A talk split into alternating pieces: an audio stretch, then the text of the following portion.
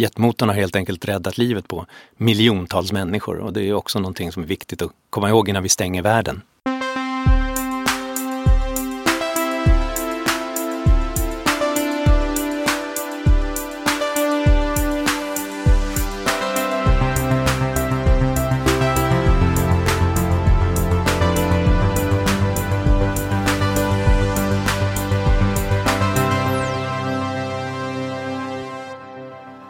Hej och välkommen till Heja Framtiden. Podcasten där jag, Christian von Essen, enträget och oförtrutet försöker att lägga någon slags eh, pussel av insikter kring framtid och samtid. Och idag ska vi även komma in lite på historia och eh, hur man kan eh, förstå den här rådande situationen vi är i just nu med eh, pandemi och polarisering och lite annat. Vi ska nämligen få träffa Johan Norberg som är författare, debattör, dokumentärfilmare och folkbildare. Eller vad säger man? Om du är ny till podden så finns det en skattkista att eh, ta del av på hejaframtiden.se eller i din poddlyssnare. Så kan du hitta 160 plus avsnitt eh, där fantastiskt spännande människor delar med sig av sina tankar. Det finns inga reklambudskap eller spons eller finansiering från eh, dolda källor. Utan eh, det här gör jag bara för att det är roligt och intressant och för att jag är nyfiken. Däremot kan man gärna stötta podden på patreon.com hejaframtiden. Där kan man donera några tior per vecka om man vill och tycker att det här arbetet ska få fortsätta. Men nu ska ni få ta del av mitt spännande samtal med Johan Norberg. Där vi eh, bland annat konstaterar att världen ständigt blir bättre och att öppenhet är den enda vägen framåt, inte tvärtom. Han förklarar på ett pedagogiskt sätt varför det är så. Jag heter Christian von Essen från Helio GT30 i Stockholm. Tack för att du lyssnar. Nu kör vi. Heja framtiden!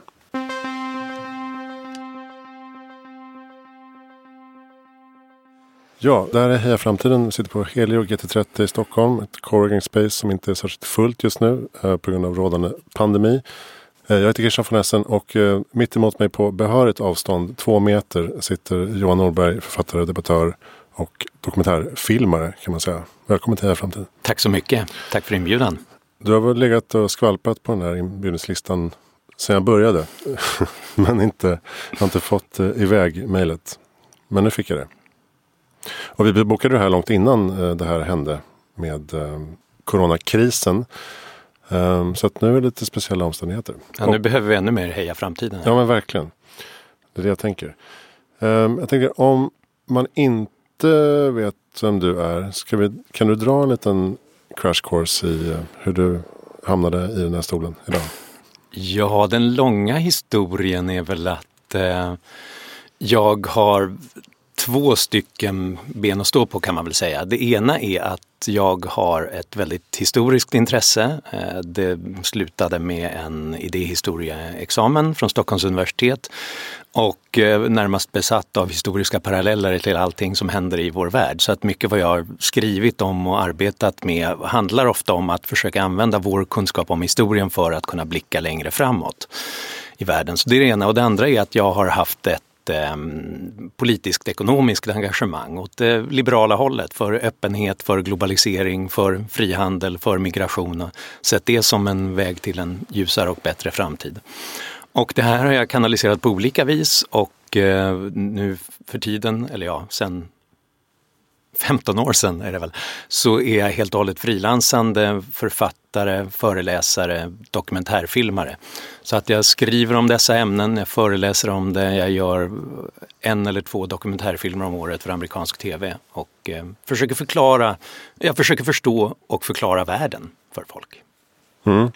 Hur många böcker jag räknade på Wikipedia, det var nästan 20 titlar eh, du är med i på något sätt. Ja, nej men då har du säkert en senare siffra än vad jag har. Är, eh, tre stycken av dem har jag redigerat, men ja, resten, så det är väl 17, 18 som jag har skrivit vid det här laget. Just det. Och eh, den som var tongivande för mig när jag startade den här podden var ju Progress, eller Framsteg då, som beskriver på vilket sätt världen blir bättre. Och har blivit eh, liksom markant under de senaste hundra åren. Eh, väldigt faktaspäckad och liksom viktig bok tyckte jag. Och den heter På svenska framsteg. Just det. Ehm, och eh, vi ska komma in lite på den kanske. Men eh, nu har ju du skrivit en bok som heter Öppen sluten. Eh, Eller Open heter den bara på engelska. Just det. Hur kommer det sig att det blir Öppen sluten? Eh, jag ville egentligen att den skulle heta Open Closed på engelska, men det ville inte mitt engelska förlag. De tyckte att det är hopp, den hoppfullhet som jag tidigare har spridit är en faktor bakom att jag har sålt bra internationellt. Så att de tyckte att jag får inte vara för dyster. Men mitt svenska förlag, Volante, de var mer lyhörda för att ta med slutenheten i titeln också. Ja, just det. Och den kommer i, eh, efter sommaren här. Just det. Eh, Men under arbetet med den, eller slutskedet med den, då, så kom vi in i eh, coronakrisen. Och då bestämde du för att snabbt skriva ihop eh, nästan som ett tillägg till den här boken. Eh, som heter Viruset och världen. Som du släppte nu på Volante. Som är eh, ljudbok. Finns den ju på Storytel till exempel en timme ungefär. Finns den som e-bok också? Eller? Ja, det gör Är det? Okej. Vad, vad var det du ville liksom lyfta fram där? Just det, i, i pressreleasen står det Johan Norberg, är viruset mitt fel? Just det. Jo men det är ju många som tycker att det är mitt fel. Eller om inte mitt fel personligen så i alla fall den globalisering och den öppenhet med öppna kommunikationer, med resande och migration över världen. Är det inte just den som har spridit mikrober överallt? Dels vill jag besvara den frågan, men det var ju också för att den här pandemin kom otäckt lägligt med tanke på den här boken, Öppen sluten. Därför att den handlar ju om hur mänskligheten skapar framsteg historiskt men också om hur vi raserar framsteg. Och när det gäller det senare så tycker jag ju att det finns ett tydligt samband mellan kriser i historien. Och kriser kan yttra sig på olika vis. Det kan vara storskalig missväxt, det kan vara utländska invasioner, det kan vara naturkatastrofer och det är obehagligt ofta stora pandemier som slår sönder civilisationer därför att vi ofta svarar på dem med att montera ner just resande, handel, öppna samhällen, det som skapar de här framstegen. Och därför tyckte jag att det blev viktigt när coronaviruset slog till att på något vis skära ut de delarna ur boken och att beskriva hur den nu pågående pandemin på något vis illustrerar en av de viktiga poängerna i boken. Just det, för du menar att det enda receptet mot problemen som öppenhet skapar är öppenhet? Ja, därför att pandemier är ju inget nytt. Det har vi ju alltid haft i alla eh, epoker. Från alla stora civilisationer drabbades av det och en hel del slog sönder av det. Och eh, då rörde de sig ju långsammare därför att de hade inte tillgångar till tunnelbanor och flygplan, mikroberna. Men även om de rörde sig sakta så rörde de sig säkert världen över. Det nya i vår tid, det är inte pandemier utan det är ju att vi kan slå tillbaka mot dem för första gången. Därför att vi för första gången har tekniken för ett vetenskapligt, tekniskt och politiskt samarbete. Så att eh, plötsligt kan kinesiska, tyska och amerikanska och svenska forskare jämföra vad har vi för information om eh, viruset och om behandlingar, om tester så att vi kan ackumulera så mycket kunskap som möjligt och eh, sprinkla så mycket ny kreativitet och innovation ovanför som möjligt. Mm. Och För du lyfter också i, i den kortboken där alla exempel på när man har stängt gränserna under den här krisen till exempel. Där det har liksom bara ställt till problem egentligen. Och det är det som är så förödande varje gång en sån här kris slår till därför att det tilltalar ju vår fight or flight instinkt på något vis. Så fort någonting läskigt slår till så vill vi fly från det, bygga murar eller så ska vi slåss mot omvärlden på något vis och hitta syndabockar och uh, skylla på någon för, för att det blev på det här viset. Och då bygger vi snabbt ofta, som det första som de flesta länder gjorde, det var att man stoppar flygplanen, man stänger gränserna. Och problemet är ju att vi kan ju bara slå tillbaka genom att samarbeta över gränserna. Om Polen stänger gränserna så betyder det att massor av polska arbetare som varje morgon tar sig över gränsen till Tjeckien, till fabriker där för att producera skyddsutrustning till bland annat svenska sjukhus. De får plötsligt inte åka över gränsen. Och då får vi brister på skyddsutrustning här. Frankrike, Tyskland inför exportförbud för olika typer av skyddsutrustning och respiratorer och annat.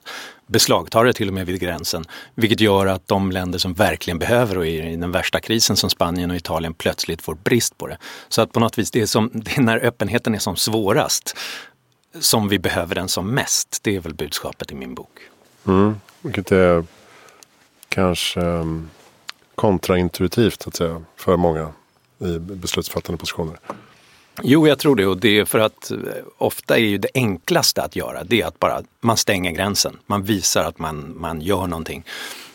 Men det är ju som en hälsoforskare konstaterat mest politisk placebo. Man gör det för att folk ska, det ska kännas bra. Det är inte för att det gör någon skillnad för hälsan. Men tror du att eh, börjar folk i och med det här få en förståelse för liksom, hur komplex världen är och hur, mycket, hur sammankopplade vi är och hur flödena sträcker sig över eh, hela jordklotet? Absolut. Och det tror jag har överraskat många, på gott och på ont på sätt och vis. Därför att en eh, slutsats som vissa drar det är ju att då får vi inte göra oss så här beroende av omvärlden igen. Om plötsligt en fabrik i Göteborg stänger för att man saknar en enda komponent från Sydkorea. Eh, man vill då istället geografiskt koncentrera eh, olika typer av leveranskedjor.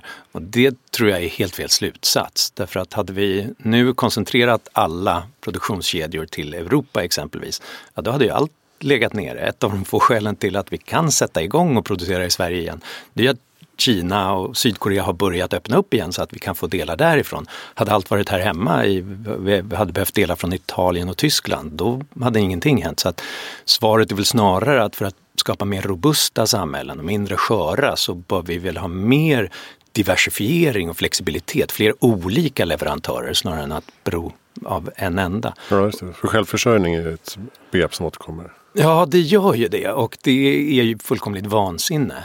Jag förstår verkligen varför man vill det. Det vore så skönt i kristid att vi hade alla de saker vi behöver. Absolut. Men hur skulle det se ut om alla gjorde sina egna respiratorer i varje land. Det är en otroligt komplex produktion. Det skulle bli väldigt dyrt om alla gjorde det själva. Men det är ju mer än så. Varje respirator består av 500 komponenter ungefär. Ska vi då ha 500 fabriker i varje land som producerar varenda en av de bitarna, då kommer de vara så dyra, så illa passande och så eh, klumpiga att vi, det skulle liksom bli någon sån här östtysk hjärnlungerespirator som så stånkar byggd på ångkraft i så fall. Och det, försörjning är målet, inte självförsörjning. För det, då skulle vi ha färre respiratorer idag än vi har. Att se till att vi har så många olika leverantörer som möjligt skulle jag säga tillgängliga, eh, snarare än att försöka koncentrera allting geografiskt. För då räcker det med att ett enda land inte kan klara av den försörjningen så brakar allting sönder där. Mm. Och det menar jag att eh, vi bör hålla i åtanke att vi skulle mycket väl ha kunnat uppleva tio andra mycket värre pandemier om vi inte hade haft den här fria rörligheten vi har.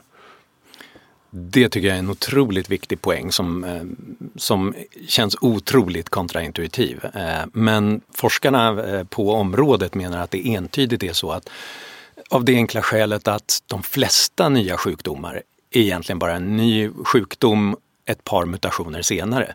Och om man då har drabbats av de tidigare mikroberna, då kan man ha fått immunitet mot detta. Vilket betyder eh, en, en slags korsimmunitet även mot de nya strängarna av influensa exempelvis. Och eh, det ser vi ju entydigt när eh, de som drabbas hårdast varje gång vi får en ny influensa är ehm, de som har varit tidigare isolerade, som inte har haft mycket av rörlighet över gränser, inte mycket av, av eh, transporter internationellt. Som senaste svininfluensan 2009. 24 av de 30 länder som drabbades hårdast var östater just för att de har så pass lite rörlighet. Och forskare från Oxford och eh, Tel Aviv, de har modellerat hur olika nivåer av rörlighet påverkar influensor. Och de menar att ja, när vi flyger världen över så smittar vi ner varandra hela tiden. Och, eh, och det är bra, därför att det har gjort att ingen enskild ny mutation kommer att hinna utvecklas så mycket isolerat att den sen går över hela världen och dödar miljontals. Och de tror att det skulle kunna förklara varför vi inte har fått en ny episod som den spanska sjukan under de senaste hundra åren. Så att jetmotorn har helt enkelt räddat livet på miljontals människor och det är också någonting som är viktigt att komma ihåg innan vi stänger världen. Utan att vi djupdyker för mycket i liksom det som är väldigt tidstypiskt, liksom, som ändras från vecka till vecka. Så kanske vi ändå ska säga någonting om, liksom, vad är din syn på den här svenska unika öppenheten som vi trots allt har fått uppleva nu? Ja, det är ju en jättebra fråga och jag måste ha en preambel till mitt svar som är just att det vet vi inte ännu utan vi får se hur detta eh, eh, går och man ska vara otroligt ödmjuk kring detta. Men just eftersom vi inte vet. Vi vet inte och forskarna och experterna är genuint osäkra om vilken metod som är bäst. Då skulle jag hellre gå på en försiktighetslinje. Och för min del är inte försiktighet att stänga alla samhällen, stänga alla ekonomier fullständigt. Därför att det är det enda vi vet att det är förödande. Och om man ska göra det under väldigt lång tid, tills vi har ett vaccin som kanske om vi har tur är ett år bort, förmodligen flera år bort, då kommer vi hinna döda långt fler bara genom den typen av nedstängningar, den totala ekonomiska depression och de resurser som försvinner som vi annars hade kunnat satsa på vård, medicinteknik och annat. Eh, det, det, det är inte den försiktiga metoden att gå framåt. Jag har fortfarande inte jag, jag ser ju massor av siffror som tyder på att ja, det finns länder som Norge och Danmark som kan klara sig bättre på kort sikt med nedstängningar. Men jag har inte sett ett enda argument för att de kommer att klara sig bättre långsiktigt när de väl börjar öppna upp igen. Utan då kommer istället nästa våg av, av smitta och det finns inget skäl till, tyvärr, till att det skulle lösa sig på ett bättre sätt. De flesta är väl överens om att viruset kommer inte elimineras på något sätt? Nej, det, utan det måste ju vi göra själva genom vacciner och mediciner och det, det ligger en bra bit bort innan vi kommer dit.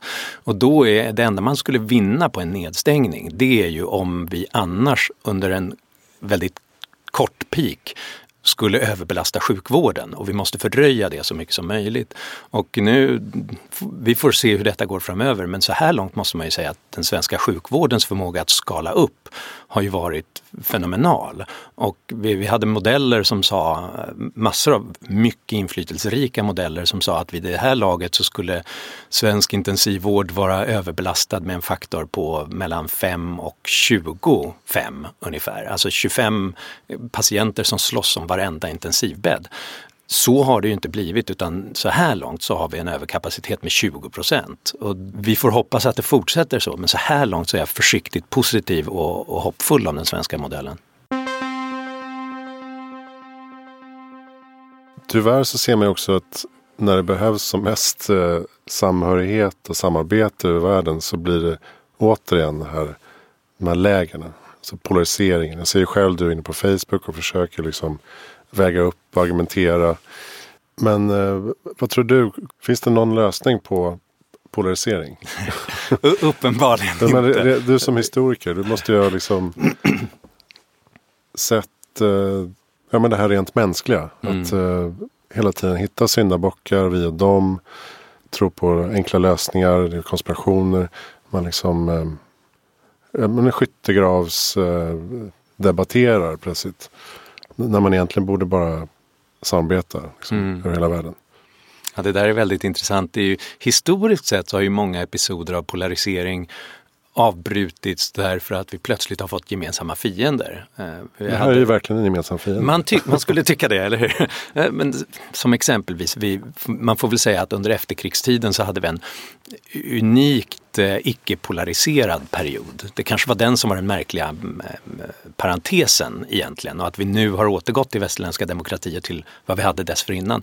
Det var det, var det kalla kriget. Vi hade ett, ett kommunistiskt block som hotade oss ständigt och jämt och då blev alla interna meningsskiljaktigheter blev ganska små gentemot detta externa hot. Och, eh, och då finns det ju de som har sagt att det enda som skulle kunna rädda oss från polarisering den här gången skulle väl vara att vi får en eh, invasion från utomjordingar eller en stor pandemi som vi alla måste sluta upp emot.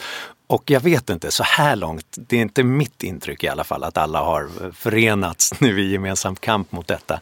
Utan tvärtom så eh, är folk nästan ännu mer arga på varandra men kanske utifrån lite nya skiljelinjer än det var tidigare. Men det är en oerhörd ilska och vilket kan överraska mig lite därför att vi är genuint osäkra om vad som är det bästa sättet att agera i det här fallet.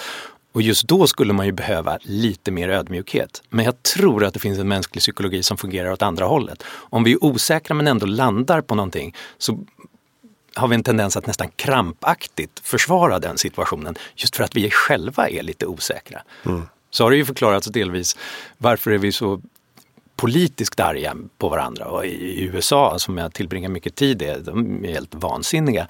Eh, men det finns forskare som menar att ett av skälen är att man tror så lite på sitt eget parti numera. Man har blivit besviken så många gånger av sina mm. egna och då måste man hitta ännu större fel på de andra för att orka fortsätta. Just det, måste, man höjer, höjer rösten liksom för att man har börjat få slut på argument. Precis, exakt. Ta till nävarna.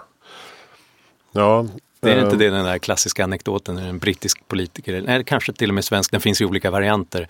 Det står i talmanuset sådär att här kommer ett svagt parti med svaga argument, så här måste du höja rösten. Härskarteknik.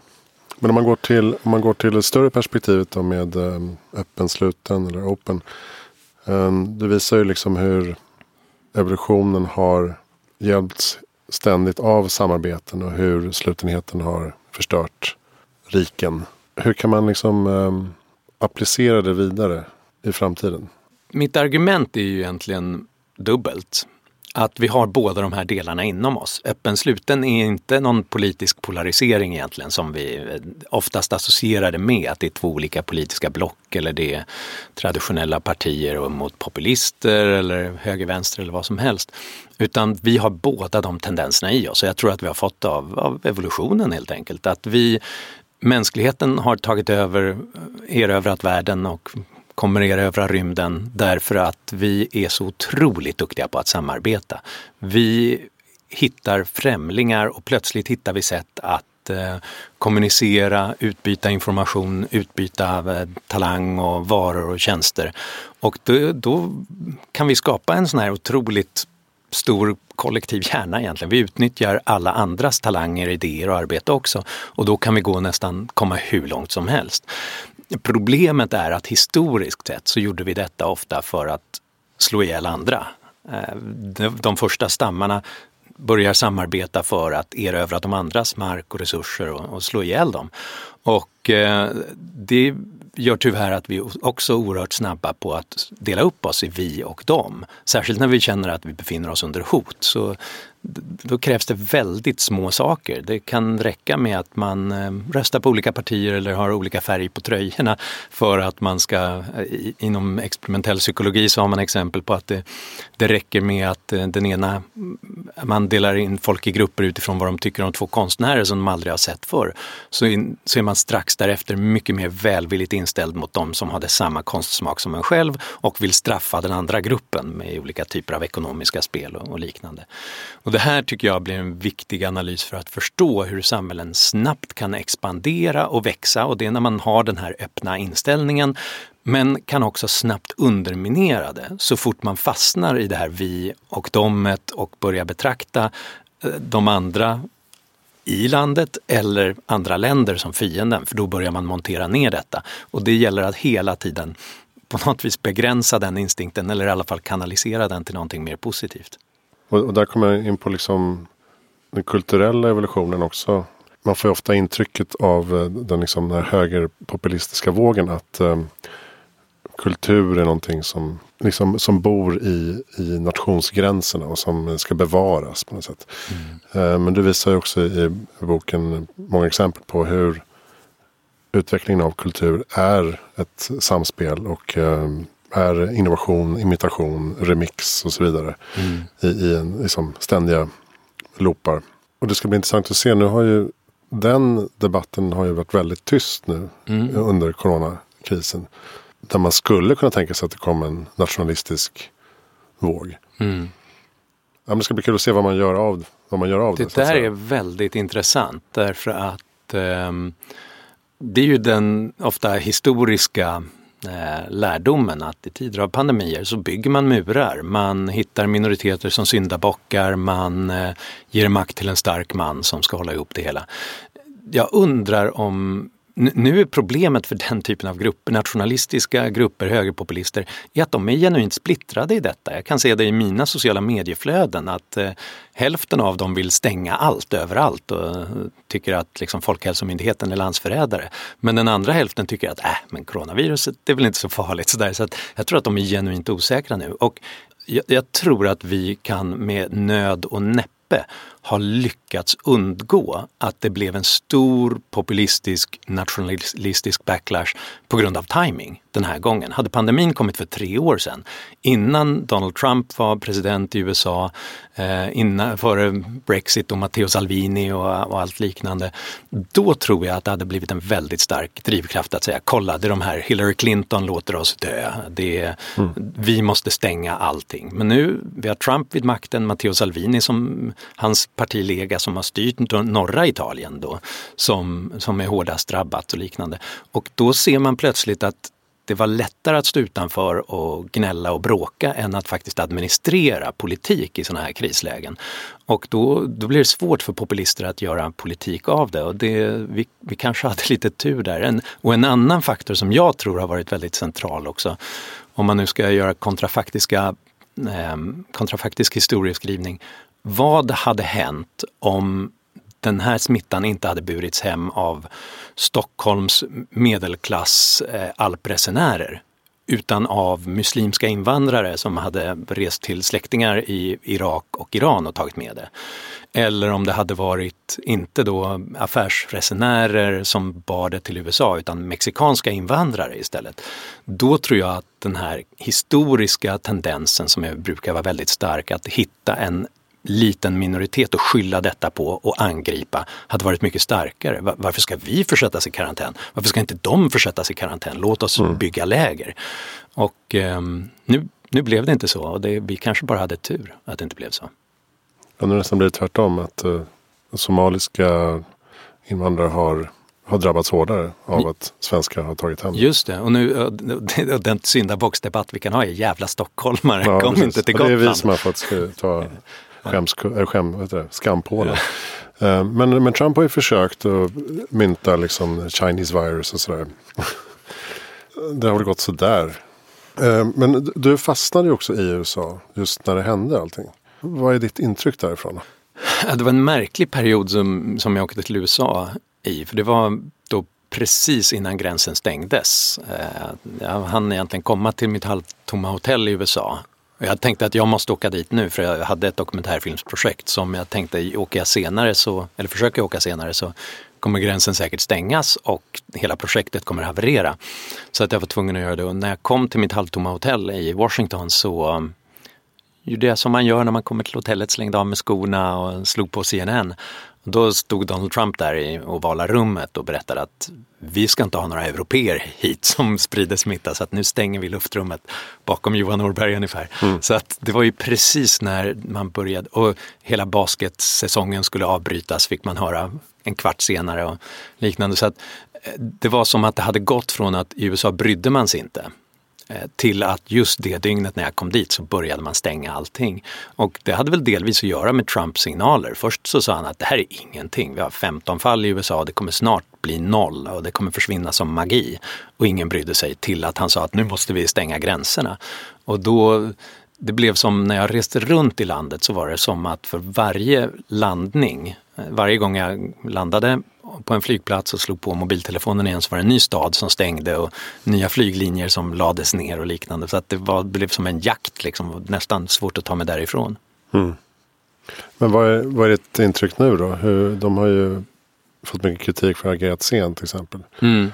Eh, samtidigt som vissa stater verkar ha klarat det rätt bra hittills. Ja, och det är väl så att USA har ju en oerhörd styrka i och med att det är ett så decentraliserat land. Därför att man har då, även om man gör fel på central nivå så kan man på delstatsnivå eller på städers nivå göra rätt på olika sätt. Och, och, och vi får se hur detta slutar men, men de kom väldigt sent till detta. Och ett skäl var ju att man hade en testprocess som blev fullkomligt kaotisk. Och, eh, och, det skulle jag skylla entydigt på det här nya nationalistiska tidevarvet i USA där man, det fanns ett färdigt test. Tyska forskare hade tagit fram det, WHO hade rekommenderat och spridit över hela världen. Eh, och det var förbjudet att använda det i USA. Man sa varför ska vi använda någon annans test från den amerikanska folkhälsomyndigheten? Vi ska ha ett eget. Och man utvecklade ett som inte funkade, som visade fel resultat. Och då låg sjukhus på, delstater, läkemedelsbolag, universitet ville använda det tyska testet eller egna tester de tog fram.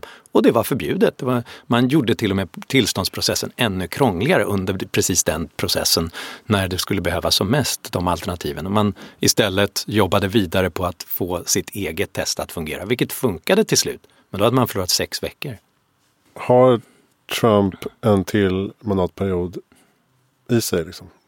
Alltså, fram till att detta slog till så trodde jag att han hade det. Eh, därför att han kunde rida ändå på att ekonomin rullade på så pass effektivt och eh, såg ut ett tag som att det var svårt att hitta någon effektiv motståndare.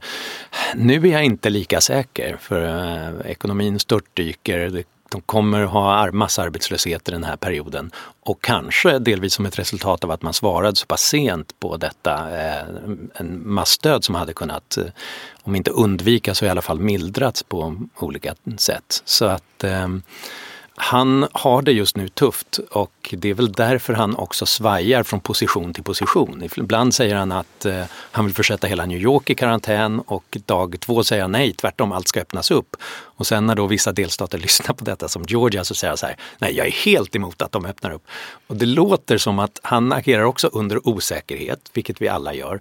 Men då gör han det med drastiska uttalanden från alla håll. Så att när allting så småningom landar så kommer han kunna peka på att någon av alla de här hundra sakerna han sa ja, var korrekt. Ja, just det. Ja, i morse såg jag att han hade han stod och spekulerade lite hur man skulle döda viruset. Med ljud och ljus. Och man kanske kan injicera någon slags desinfektionsmedel i kroppen. Eller? Titta på den stackars experten som bara I don't know. It's never been done. But det är så otroligt. Och en av hans teorier var att om nu UV-strålar kan eh, fixa detta kan man inte få in det i kroppen på folk. Att applicera det så otroligt hårt mot huden mm. så att det går igenom på något sätt. Och just den där Bränner, bild, liksom. bilden av hans folkhälsoexperter där omkring och deras blickar. Alltså det, de måste ha undrat, vad, vad gjorde jag med mitt liv? Hur hamnade ja. jag här? Ja, fascinerande.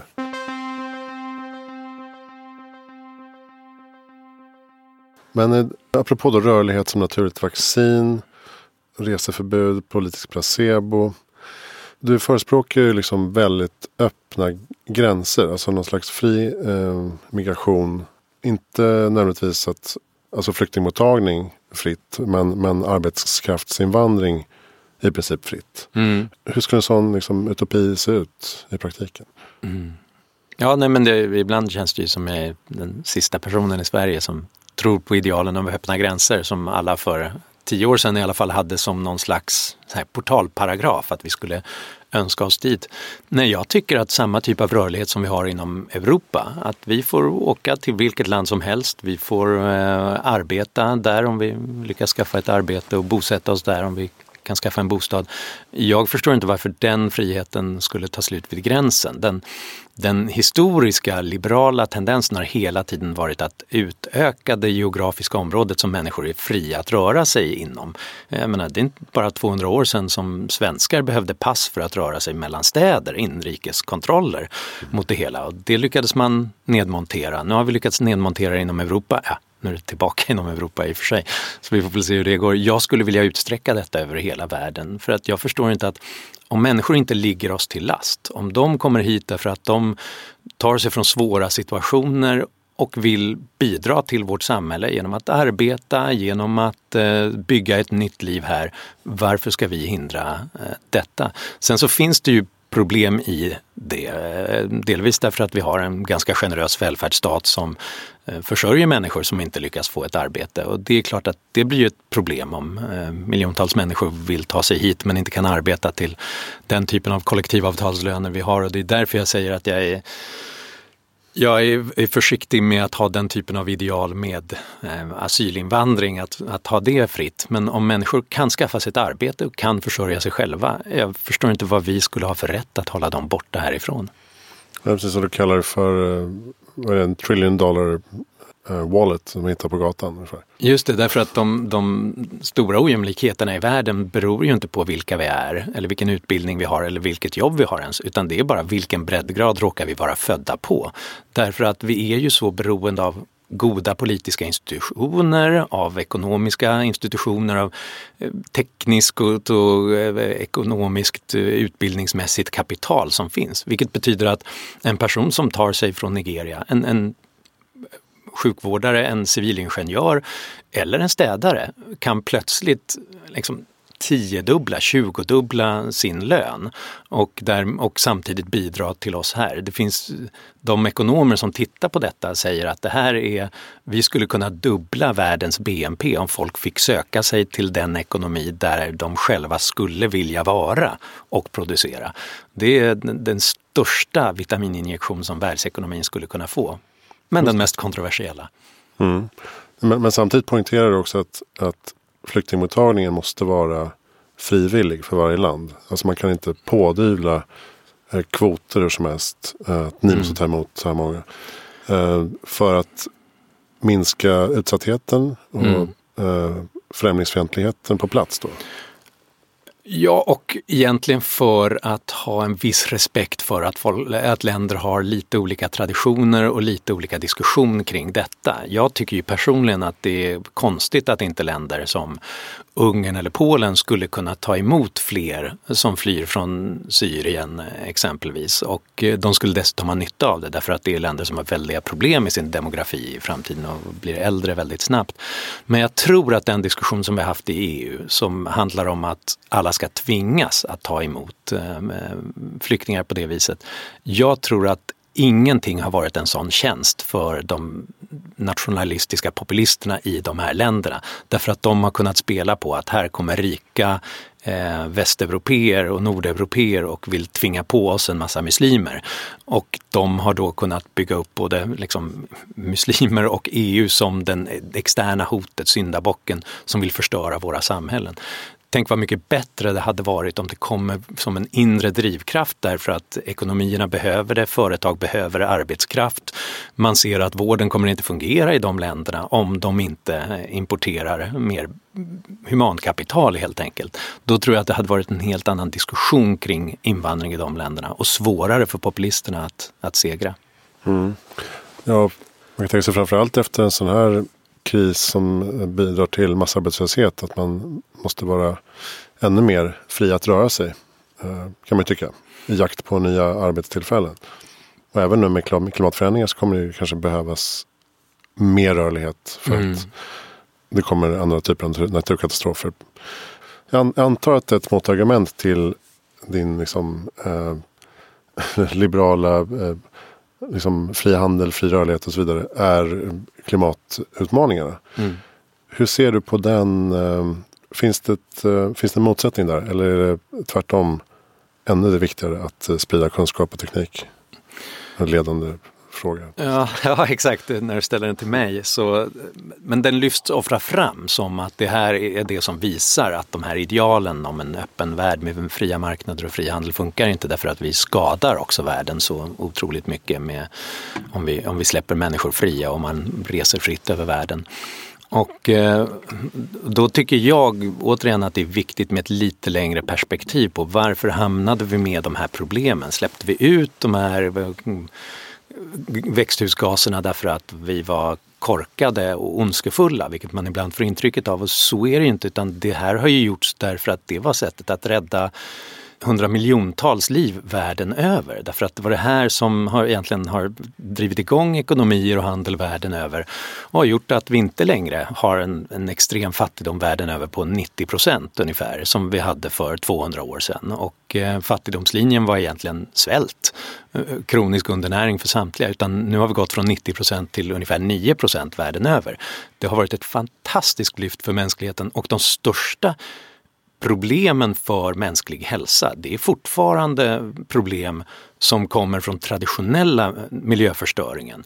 Och det kan ha att göra med sådana saker som att vi inte har möjligheter i många fattiga länder att rena vattnet ordentligt, att man inte har tillgång till elektricitet och, eh, eller naturgas så att man måste elda inomhus för att laga mat, vilket gör att miljontals dör varje år på grund av lungsjukdomar som man får på det sättet. Så att de fossila bränslena har räddat så otroligt många liv. Det måste vi komma ihåg. Sen så skadar det väldigt mycket och kan skad, skapa väldigt stora problem framöver. Okej, låt oss då hantera det problemet också. Men inte genom att gå tillbaka i tiden och, och avveckla det här industrisamhället som har, har, skapat så mycket. Därför att då skulle vi falla tillbaka i svält och massfattigdom. Utan genom att gå vidare, att skapa de nya gröna bränslena, de nya gröna, eh, den nya gröna tekniken. Vi, vi vet ju inte exakt vilka som är bäst men det finns tusentals eh, experiment och tekniker som rullas ut hela tiden och många som finns på, kvar på liksom, i laboratorieborden. Och där är det ju bara kunskapsspridning globalt och välstånd globalt som kan rädda oss. Det, det finns de som säger att titta vad, vad, bra den här perioden av pandemi var. Nu har vi stängt ner allt, så nu har vi mindre utsläpp, nu, nu reser vi inte över världen. Jag tror att det, just det här är det värsta som kan hända. Därför att nu försvann ju miljöfrågan direkt från dagordningen därför att nu handlar det om mänsklig överlevnad. Det enda som kan få fler länder världen över att investera mer i den gröna tekniken, det är mer välstånd istället. Det är att man först räddar människoliv, sen kommer man rädda miljön. Mm. Och det var inte så länge sedan heller, eh, det får man komma ihåg, som klimatforskare var mer rädda för en kommande istid. Så att eh, man visste inte alls att eh, det skedde uppvärmning på det här sättet. Nej, det, nej, det är ju en, det är en relativt ny risk vi har insett att vi har. Och det tycker jag också är en lärdom i, när vi drabbas av nya risker. För att det finns alltid, och nya kriser, det finns alltid den här viljan att mobilisera allting mot ett enda problem. Och för tre månader sedan var det global uppvärmning som var det enda. Men nu är det pandemier och nu känns det som att vi ska mobilisera allt vi har mot bara detta. Um, jag tror att svaret istället att vi måste bli mer rörliga, vi måste bli mer flexibla, vi måste bli mindre sköra som samhälle så att vi styr om resurser, styr om arbetskraft och kapital till de områden där vi drabbas av nya kriser. Därför att nästa gång kan det vara något helt nytt. Nästa gång kan det vara en, en meteorit istället som slår till eller så är det en tsunami och då måste vi ha tekniken och vetenskapen för detta. Så att det är jättefarligt när man säger att 100% av all kunskap och all forskning och all eh, ett välstånd ska riktas in mot problem X. Därför att vi kommer få problem X om X är global uppvärmning, men vi kommer också få X, Y, Z, Å, Ä, Ö. Och då är det en generellt hög nivå av välstånd och kunskap kommer att rädda oss då. Mm. Jag läste den här eh, hemska boken Den obeboeliga planeten. Har du läst den? David Nej, Wallace Wells. Du säljer inte Linden väl? Nej men det, den är otroligt uh, dyster. Alltså klimatförändringsmässigt. Uh, men men och, uh, han bara rabblar upp siffror i hela boken. Så att uh, år 2000, eller 2100 då kommer 100 miljoner svälta ihjäl på grund av uh, sämre skördar. Så blir man så här, men hur ser kurvan dit ut då? Man kan liksom inte... Jag tycker inte att man kan slänga ur sig sådana siffror riktigt. Um, för du vet inte, det kan lika gärna imorgon komma uh, en helt ny teknologi som, som gör att uh, vi inte alls behöver liksom, drabbas av uh, massvält. Mm. Um, och det, det har väl liksom historien visat att de här profeterna ofta har fel. För att mänsklig kreativitet och innovationsförmåga är så pass mm. Eh, stark. Exakt, det där är en otroligt viktig poäng. Hade vi, jag menar, om vi hade samma andel som levde i eh, svält idag som vi hade på 1940-talet Ja, då var det, det var ungefär 50 procent av världens befolkning som levde i kronisk undernäring då. Ja, då hade ju 3,5 miljarder människor ungefär idag levt i kronisk undernäring. Eh, och, eh, och domedagsprofeterna talade ju varje decennium därefter om att det kommer bara bli värre. Denne den är Paul Ehrlich, eh, insektsforskare från början som är alla pessimisters favoritguru. Han sa ju så sent som på 70-talet att nu är det för sent att stoppa svälten. Nu kommer snart England praktiskt taget försvinna och vi, det är bara att ge upp fullständigt om Indien. Och så hade det ju varit om vi inte hade fått den här innovationskraften från ny kunskap, ny teknik, konstgödsel, eh, bättre grödor och liknande. Det var ju det som räddade oss, inte någon typ av eh, centraldikterad plan om vad som ska hända utan ny växtförädling, personer som Norman Borlaug som tar fram bättre vetesorter som producerar mer, eh, artificiellt gödsel som gör att man plötsligt kan få otroligt mycket mer från, från gamla åkrar. Eh, vi fick fram bättre bevattningssystem, vi har fått fram genetiskt modifierade grödor som kan producera otroligt mycket mer på en mycket mindre yta än vi annars hade behövt, vilket har varit enda sättet att bevara någon biologisk mångfald i världen dessutom. Och vi har minskat då andelen världen över som lever i svält från 50 procent på 40-talet till idag runt 10 procent. Fortfarande alldeles för många men idag så beror det inte på att vi inte har tekniken. Nu beror det på att vi har krig och diktaturer på olika ställen som slår sönder möjligheten att använda den typen av teknik. Och eh, det är därför jag, jag håller med dig, det är så farligt att slänga ur sig sådana där siffror och bara extrapolera från dagens teknik hundra år i framtiden. För det tar bort en ganska central variabel och det är mänsklig fantasi och uppfinningsrikedom. Jag ser din bok När framsteg eh, som jag ställer liksom den bredvid eh, Rosling, så här, Factfulness och eh, Steven Pinker, Enlightenment Now. Det är fint sällskap. ja, och, och så ser jag nästan så, ja men det finns som tur är en, en våg av liksom, faktabaserad optimism. Och så blir jag så här, men varför är det en våg? Alltså varför är det en, ett hörn av eh, litteraturen? När det borde vara allmän kännedom att alla går runt och känner, vet och känner att ja, men fan, världen blir bättre hela tiden. Vad härligt. För att vilken tur att vi lever idag. Ja.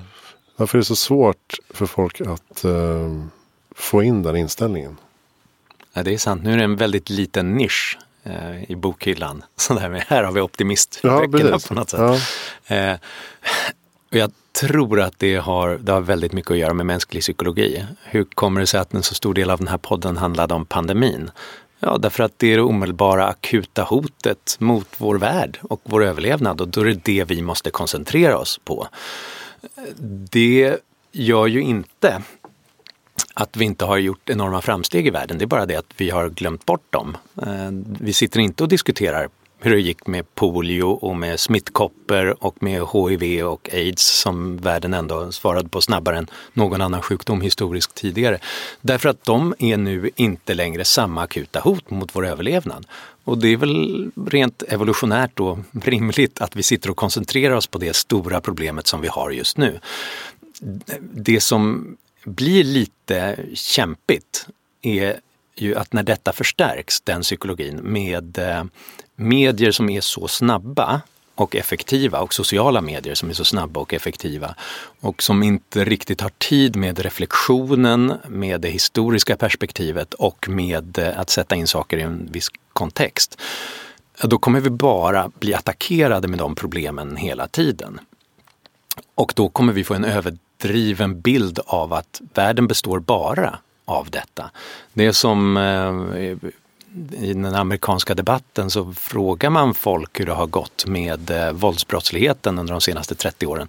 Så sa de, den stora majoriteten, varje år utom ett under 30 år, att det ökar jättemycket. Och i själva verket minskade det under varje år under den tiden. Och det är ju för att ett, ett mord som inte äger rum är ju inte en nyhet. Men ett mord som gör det, eh, som äger rum är en, en nyhet och det tenderar att förvirra oss. Och jag, jag menar, jag älskar sociala medier och jag älskar vår eh, kommunikationsteknik och den är fantastisk. Men det finns ju en avigsida och det är att så fort någonting går fel i världen så finns det en mobilkamera där som fångar upp det i realtid och visar det för resten av världen. Och eh, med vår, och min också, vi har den alla, vår grottmännisko eh, psykologi så är det det hemska kommer slå ut hundra bra saker som händer i världen. Därför att det känns som ett akut hot mot vår överlevnad. Jag försöker liksom aktivt skala bort allt som inte påverkar mig eller som jag kan påverka på något sätt. Alltså pushnotiser om våldsbrott till exempel är ju ganska ointressant. Händer något riktigt illa så kommer jag sannolikt få reda på det ganska snabbt. Um, Det är vettigt. Hur, hur funkar det för dig? Nej men eh, jag struntade i morgontidningar, stängde av alla pushnotiser och minimerade Twitter-konsumtionen. Mm. Det kan man, så kan man säga. Det tror jag är ett bra recept för liksom, psykologisk hälsa. Ja men någonstans, jag, jag tror att Nej, men som jag är uppvuxen med, med liksom föräldrar som läser morgontidning och, sen är det, och så är det radio samtidigt och så är det eh, kvällstidning och så är det Aktuellt Rapport och något debattprogram. Nu har de dessutom sociala medier också då. Um, så att man marinerar hjärnan i det här katastrofläget hela tiden, dygnet runt på något Mm. sätt. Och det är klart att det är omöjligt att känna att fan vad, vad härligt det är i världen. Om man hela tiden påminns om Ja. att det finns skit.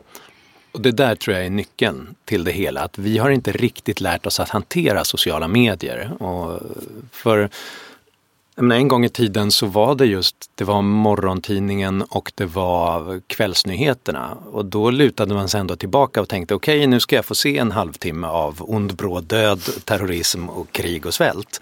Eh, och, och sen så reste man sig upp och sen gjorde man andra saker. Eh, Och sen var det lite sport. Just det, och, och väder. Och sen så ofta en, så här, en kalv med två huvuden hade fötts så att man skulle ha något att stanna kvar och se hela det. sändningen för.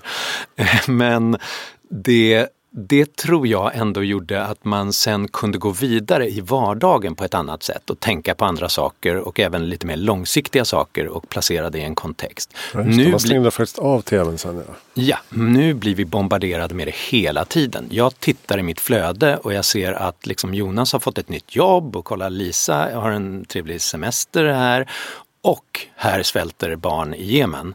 Eh, och sen så är det trevliga katter här och så ett komediklipp från Saturday Night Live. Och sen bestialiska mord och terrorism och krig.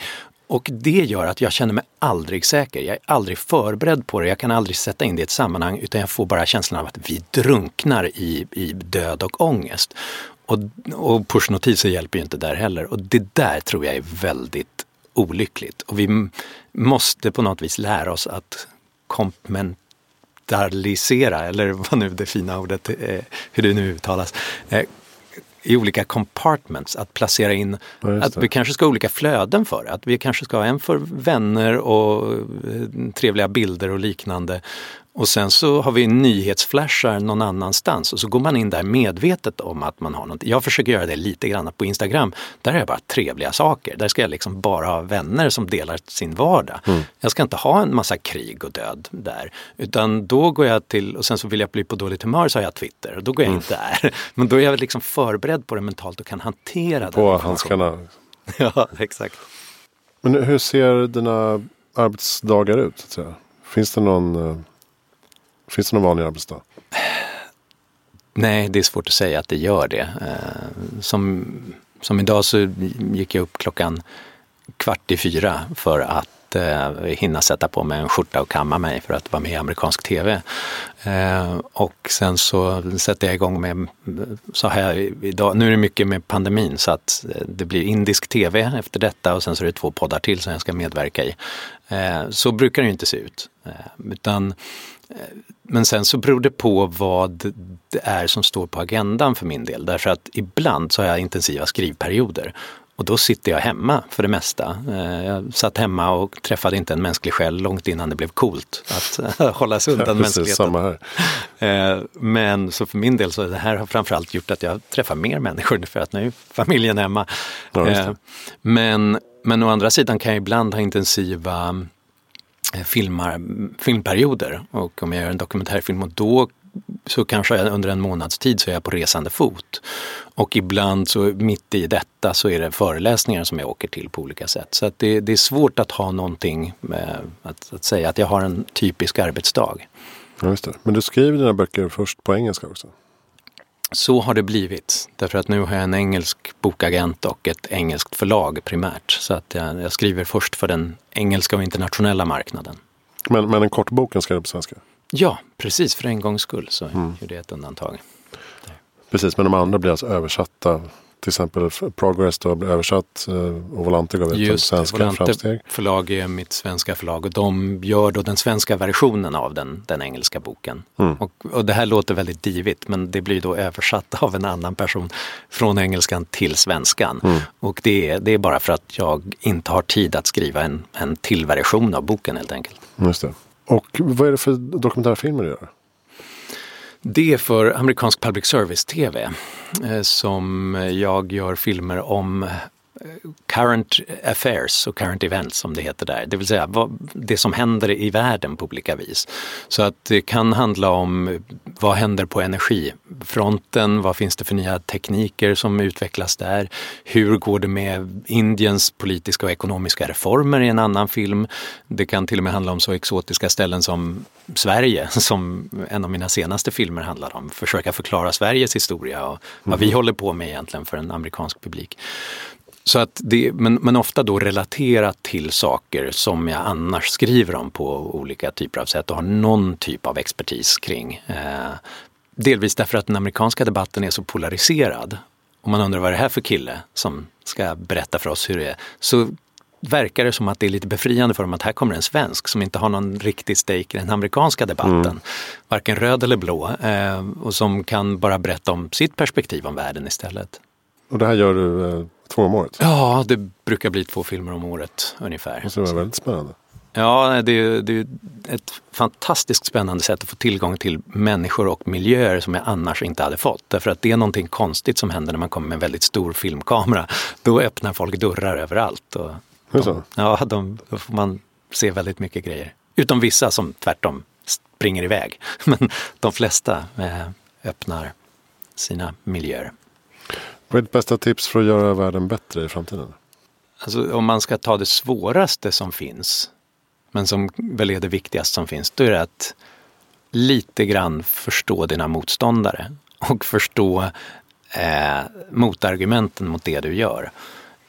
Därför att man tjänar så otroligt mycket på detta. Man lär sig så otroligt mycket av det. Därför att vi alla har vår bekräftelse-bias på alla olika sätt ofta helt undermedvetet, så att vi letar efter allting som stärker vår position. Man lär sig så otroligt mycket när man lyssnar på någon som faktiskt tycker precis tvärtom, även om du inte ens gillar personen i fråga, därför att de har läst andra saker och sett andra saker och det, det har man väldigt mycket gratis av. Och jag tror att om vi gjorde det så skulle vi också kanske förstå att de är inte så onda som de verkar när de sitter där och skriker i Twitterflödet, utan eh, vi kanske kan få lite mer förståelse på det området. Och, eh, och jag, jag tror ju generellt, alltså att ackumulera mer kunskap, inte bara som individer utan som samhälle, det är vägen framåt. Ju mer vi vet, vi blir inte nödvändigtvis mer moraliska och bättre människor, men desto fler problem kommer vi att lösa oavsett vad naturen kastar i ansiktet på oss nästa gång. Mm. Även försöka plocka upp en bok som man kanske inte eh, vanligtvis skulle ha läst. Precis, och det kan ta emot. För ofta, man, nej, det finns ju ingenting som är så härligt som att läsa någonting som bekräftade allting man hade lite på känn. Det är verkligen mm. helt underbart, jag gör gärna det.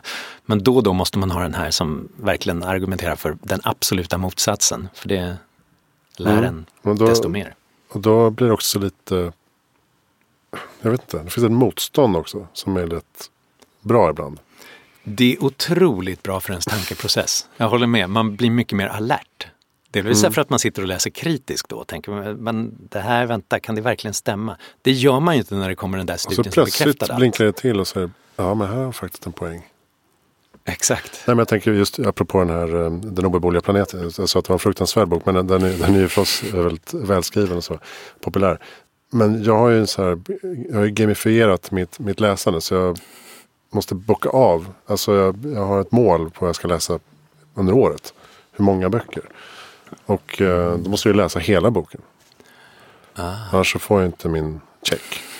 Så därför måste jag tvinga mig igenom då. Även fast det är en bok jag inte gillar så mycket. Så måste jag läsa 300 sidor. Liksom. Aha. På gott och ont. Det är ett intressant sätt att göra på. Får du, får du någon extern belöning också eller är det tillräcklig intrinsikal belöning att bocka av det? Eller, eller ja, jag, tänker du att jag går på operabaren och slår runt ja, om jag klarar av allihopa? Ja, kanske.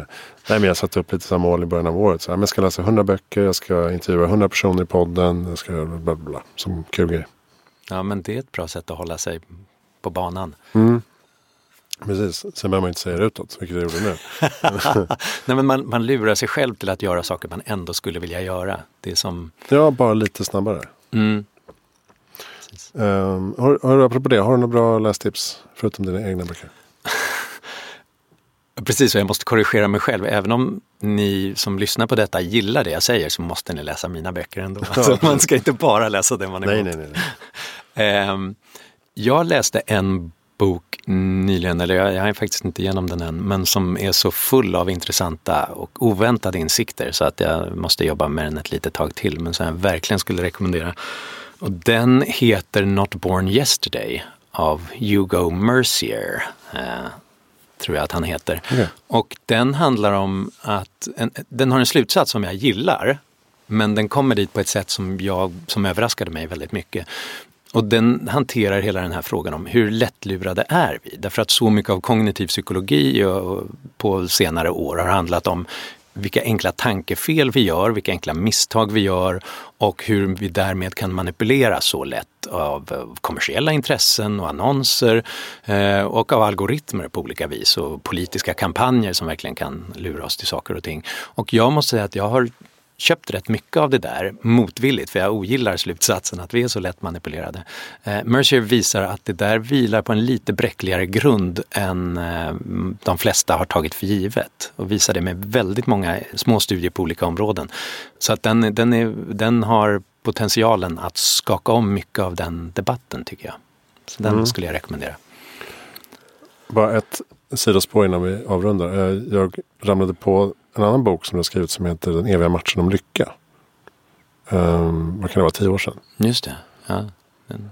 Jag har bara skummat i det, men vad, vad, är ditt, vad är ditt bestående intryck efter att ha jobbat med den? Apropå lycka. Ja, det där, den var ett kärleksbarn verkligen. Den, den skrev jag för att jag tyckte att det var så spännande med lyckoforskningen och vad, vad är det som skapar mänskligt välbefinnande. Och um, en av slutsatserna utifrån det är att, som, som jag bär med mig är att eh, externa faktorer som eh, utbildning, socioekonomi, hälsa och liknande är, är viktigt. Men det förklarar nog inte sådär jättemycket mer än kanske en 20 procent av skillnaden i lycka mellan människor. Utan det handlar framförallt om, mycket handlar om att välja rätt föräldrar, verkar det som, tyvärr. Mm. Så att det är ju bara att, att, hacka i sig, att det beror lite på vilka signalsubstanser man har. Men väldigt mycket verkar ha att göra med inställningar och attityder och de kan man förändra. Hur man ser på världen, om man går ut i världen och är beredd på att nu ska man titta på alla människor som gör fel och allt som är dåligt. Så det är lätt att göra sig deprimerad. Eh, om man går ut där och är villig att lära sig någonting och tycker att saker är spännande och, och viktiga och angelägna. Det kan göra någon, en enorm skillnad för ens mentala välbefinnande visar det sig. Just det. Ja, optimister har ju visat sig då leva länge till exempel. Yep, och även, och det vet man inte vad som är hönan och ägget. Nej, det är sant. Eh, men, men det visar sig att även om man har en... Eh, jag, menar, jag brukar betrakta mig själv som en rationell optimist. Alltså jag tror inte att saker automatiskt blir bra. Utan det beror ju på vad vi gör, men vi har förutsättningar att göra det bra. Men forskningen visar att det spelar ingen roll om man är rationell eller irrationell optimist. Även om man bara tror att saker ska bli bra så även om man har överdrivna förväntningar på exempelvis vilken skillnad jag kan göra i världen, hur bra jag kommer lyckas med olika typer av saker, vad som är möjligt att realisera. Så är, och även om man blir besviken av det så ger det en väldigt mycket välbefinnande under tiden jämfört med de som inte har det. Så att det, det är bra med falska förhoppningar ibland till och med. Så man kan vara naiv optimist och uh, bara bli lycklig? Så att säga. Det, ja, det är i alla fall bättre än att vara naiv pessimist. Ja. Bra, men det var, väl en, det var väl en fin liten avslutning på Heja Framtiden. Eh, vem tycker att jag ska intervjua? Har du stött på Niklas Lundblad? Inte Så. ännu. Eh, Google tänker jag. Just det, alldeles riktigt. Och, eh, men en man med väldigt många strängar på sin lyra som, jag menar, när man samtalar med honom så det, det är en av få personer som alltid får mig positivt sätt att känna mig dum. Mm. För att han har alltid tänkt på världen lite längre än jag har på ett väldigt intressant sätt. Och det kan handla om hur tekniken påverkar oss men det kan också handla om hur man ska se på olika översättningar av Wittgensteins verk. Så att både humanist och eh, naturvetare och, och tekniker på olika sätt. Och ehm, jag, menar, jag har alltid ett mindrevärdskomplex gentemot honom därför att vi är gamla skolkamrater. Han gick två Mhm. klasser över mig och lyssnade på all bra syntmusik och visade mig vad jag skulle lyssna på. Så han har alltid varit någon typ av lärare. Men det är fortfarande så, varje gång jag läser honom så tänker jag att nu lärde jag mig något nytt. Har han skrivit böcker? Eller? Han har skrivit för få böcker, eh, men han har skrivit ett par som är värda att titta på definitivt. Men han skriver närmast eh, essäer på sin blogg eh, på olika vis som är som jag och jag vet många förlag försöker tvinga honom att ge ut i bokform. Ja, så vi kolla upp det. Jag vet att han har varit på, han har varit på tapeten. Så att, eh, vi kanske absolut får eh, hitta honom. Jag kommer lyssna Niklas i alla fall. Bra. Tack snälla Johan Norberg för att du kom till Heja Framtiden. Tack själv, vad trevligt va? Roligt. Eh, Hejaframtiden.se hittar allting. Och eh, vad gäller eh, Johans utgivning så får du kolla bland annat Volante och eh, även på Amazon finns ju eh, de amerikanska titlarna. Alldeles riktigt. Ja, vad ska jag säga mer? Nej, jag vet inte. På, på Twitter heter du Johan K Norberg. Alldeles riktigt. Och på Facebook Johan Norberg official. Som kan man följa.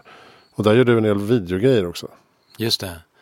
Som någon Det- slags eh, infotainment-variant där.